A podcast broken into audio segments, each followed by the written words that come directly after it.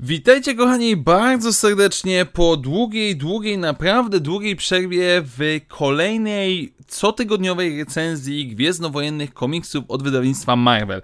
I oczywiście nie dość, że komiksy się spóźniają z oczywistych względów panującej sytuacji na świecie, jak i również ja się trochę spóźniłem tym razem, wybaczcie bardzo serdecznie, ale dopiero dzisiaj zajmuję się środową premierą, a mianowicie Bounty Hunters, Star Wars Bounty Hunters zeszyt trzeci, czyli kontynuujemy przygody łowców nagród w odległej galaktyce po epizodzie piątym z Valensem na czele. Um, I ten zeszyt komiksowy najpiękniej moim zdaniem skomentował jeden ze znajomych na grupie Jak będzie na Jawinie 4. Swoją drogą grupkę bardzo serdecznie polecam, bo chyba najlepsze y, miejsce do Gwiezdnych Wojen na Facebooku. A mianowicie, nie wiem co się dzieje, ale mi się podoba. I, I generalnie rzecz ujmując, tak można w skrócie określić cały ten komiks. Ponieważ pierwsza połowa, która oczywiście jako ongoing kontynuuje, czy po, po prostu jako komiks, kontynuuje wątki z poprzednich zeszytów, e, da się jeszcze załapać. Widać różnego rodzaju łowców nagród, którzy próbują zdobyć e, tą cenną nagrodę, zdobyć tą słynną łowczynię nagród, która kilka lat temu zdradziła ich, czy też zdradziła jeden z syndykatów na Koreli.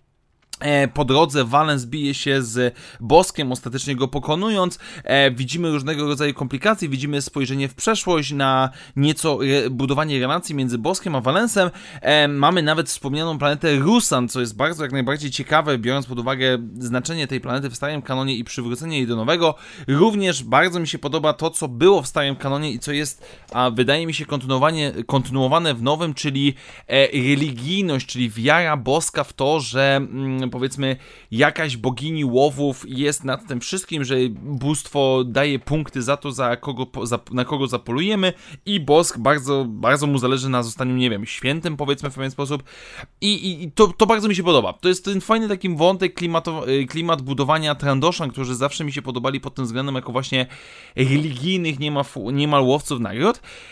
Ale te wszystkie dobre wrażenia w pewien sposób, um, powiedziałbym się, rozpływają się pod koniec, na przełomie ostatnich 8-10 stron tego zeszytu, gdzie sytuacja się tak bardzo komplikuje, że ja już się autentycznie trochę gubię, bo z jednej strony mamy kontynuowanie walki między syndykatami e, koreańskimi, których jakby walka trwa od pokoleń e, i którą widzieliśmy od samego początku tego, tej serii komisowej. Z drugiej strony mamy łowcę nagród, który w końcu przybywa na Rusan, żeby zdobyć swój cel.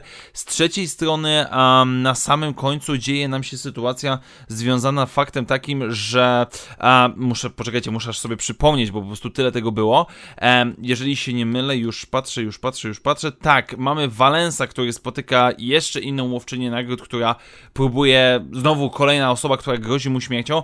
Generalnie rzecz ujmując, y, w tym komiksie niesamowicie dużo się dzieje i to to jest jakby kontynuacja moich wniosków z poprzednich już zeszytów, już pierwszy i drugi, nawet teraz, kiedy sobie je przypominałem na szybko, przed nagrywaniem tego materiału, um, one mają ten problem, że tu akcja pędzi tak bardzo do przodu, jakby to miała być miniseria.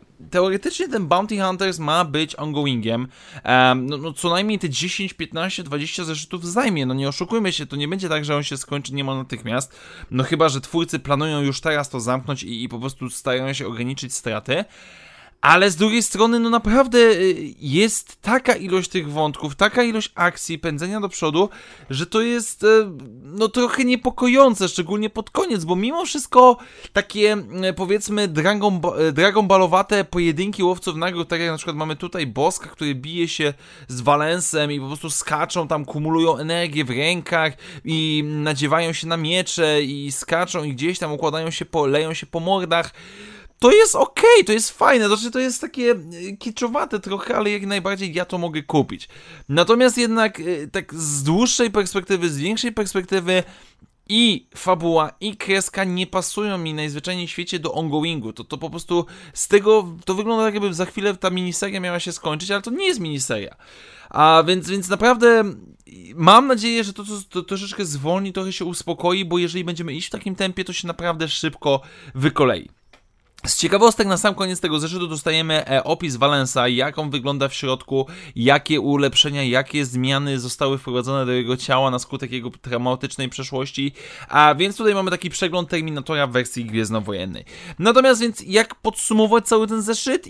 No jest okej, okay, tak? Jeżeli lubicie szybko pędzącą akcję do przodu z łowcami nagród, to jak najbardziej wam się spodoba, tylko ja jestem troszeczkę może nie tyle zmęczony, co skonsternowany, co tu się właściwie dzieje, dlaczego to się tak dzieje i dlaczego tak funkcjonuje. No ale zobaczymy, w którą stronę będzie zmierzała seria, jak to się będzie rozwijało z zeszytu na zeszyt. Tak więc dziękuję Wam bardzo serdecznie, moi drodzy, za dzisiejsze spotkanie. Dajcie znać w komentarzach, jeżeli jesteście na bieżąco z tą serią, jakie są Wasze uwagi. Dziękuję jeszcze raz bardzo serdecznie. Do usłyszenia wkrótce w następnych materiałach i jak zawsze, niech moc będzie z Wami. Na razie, cześć!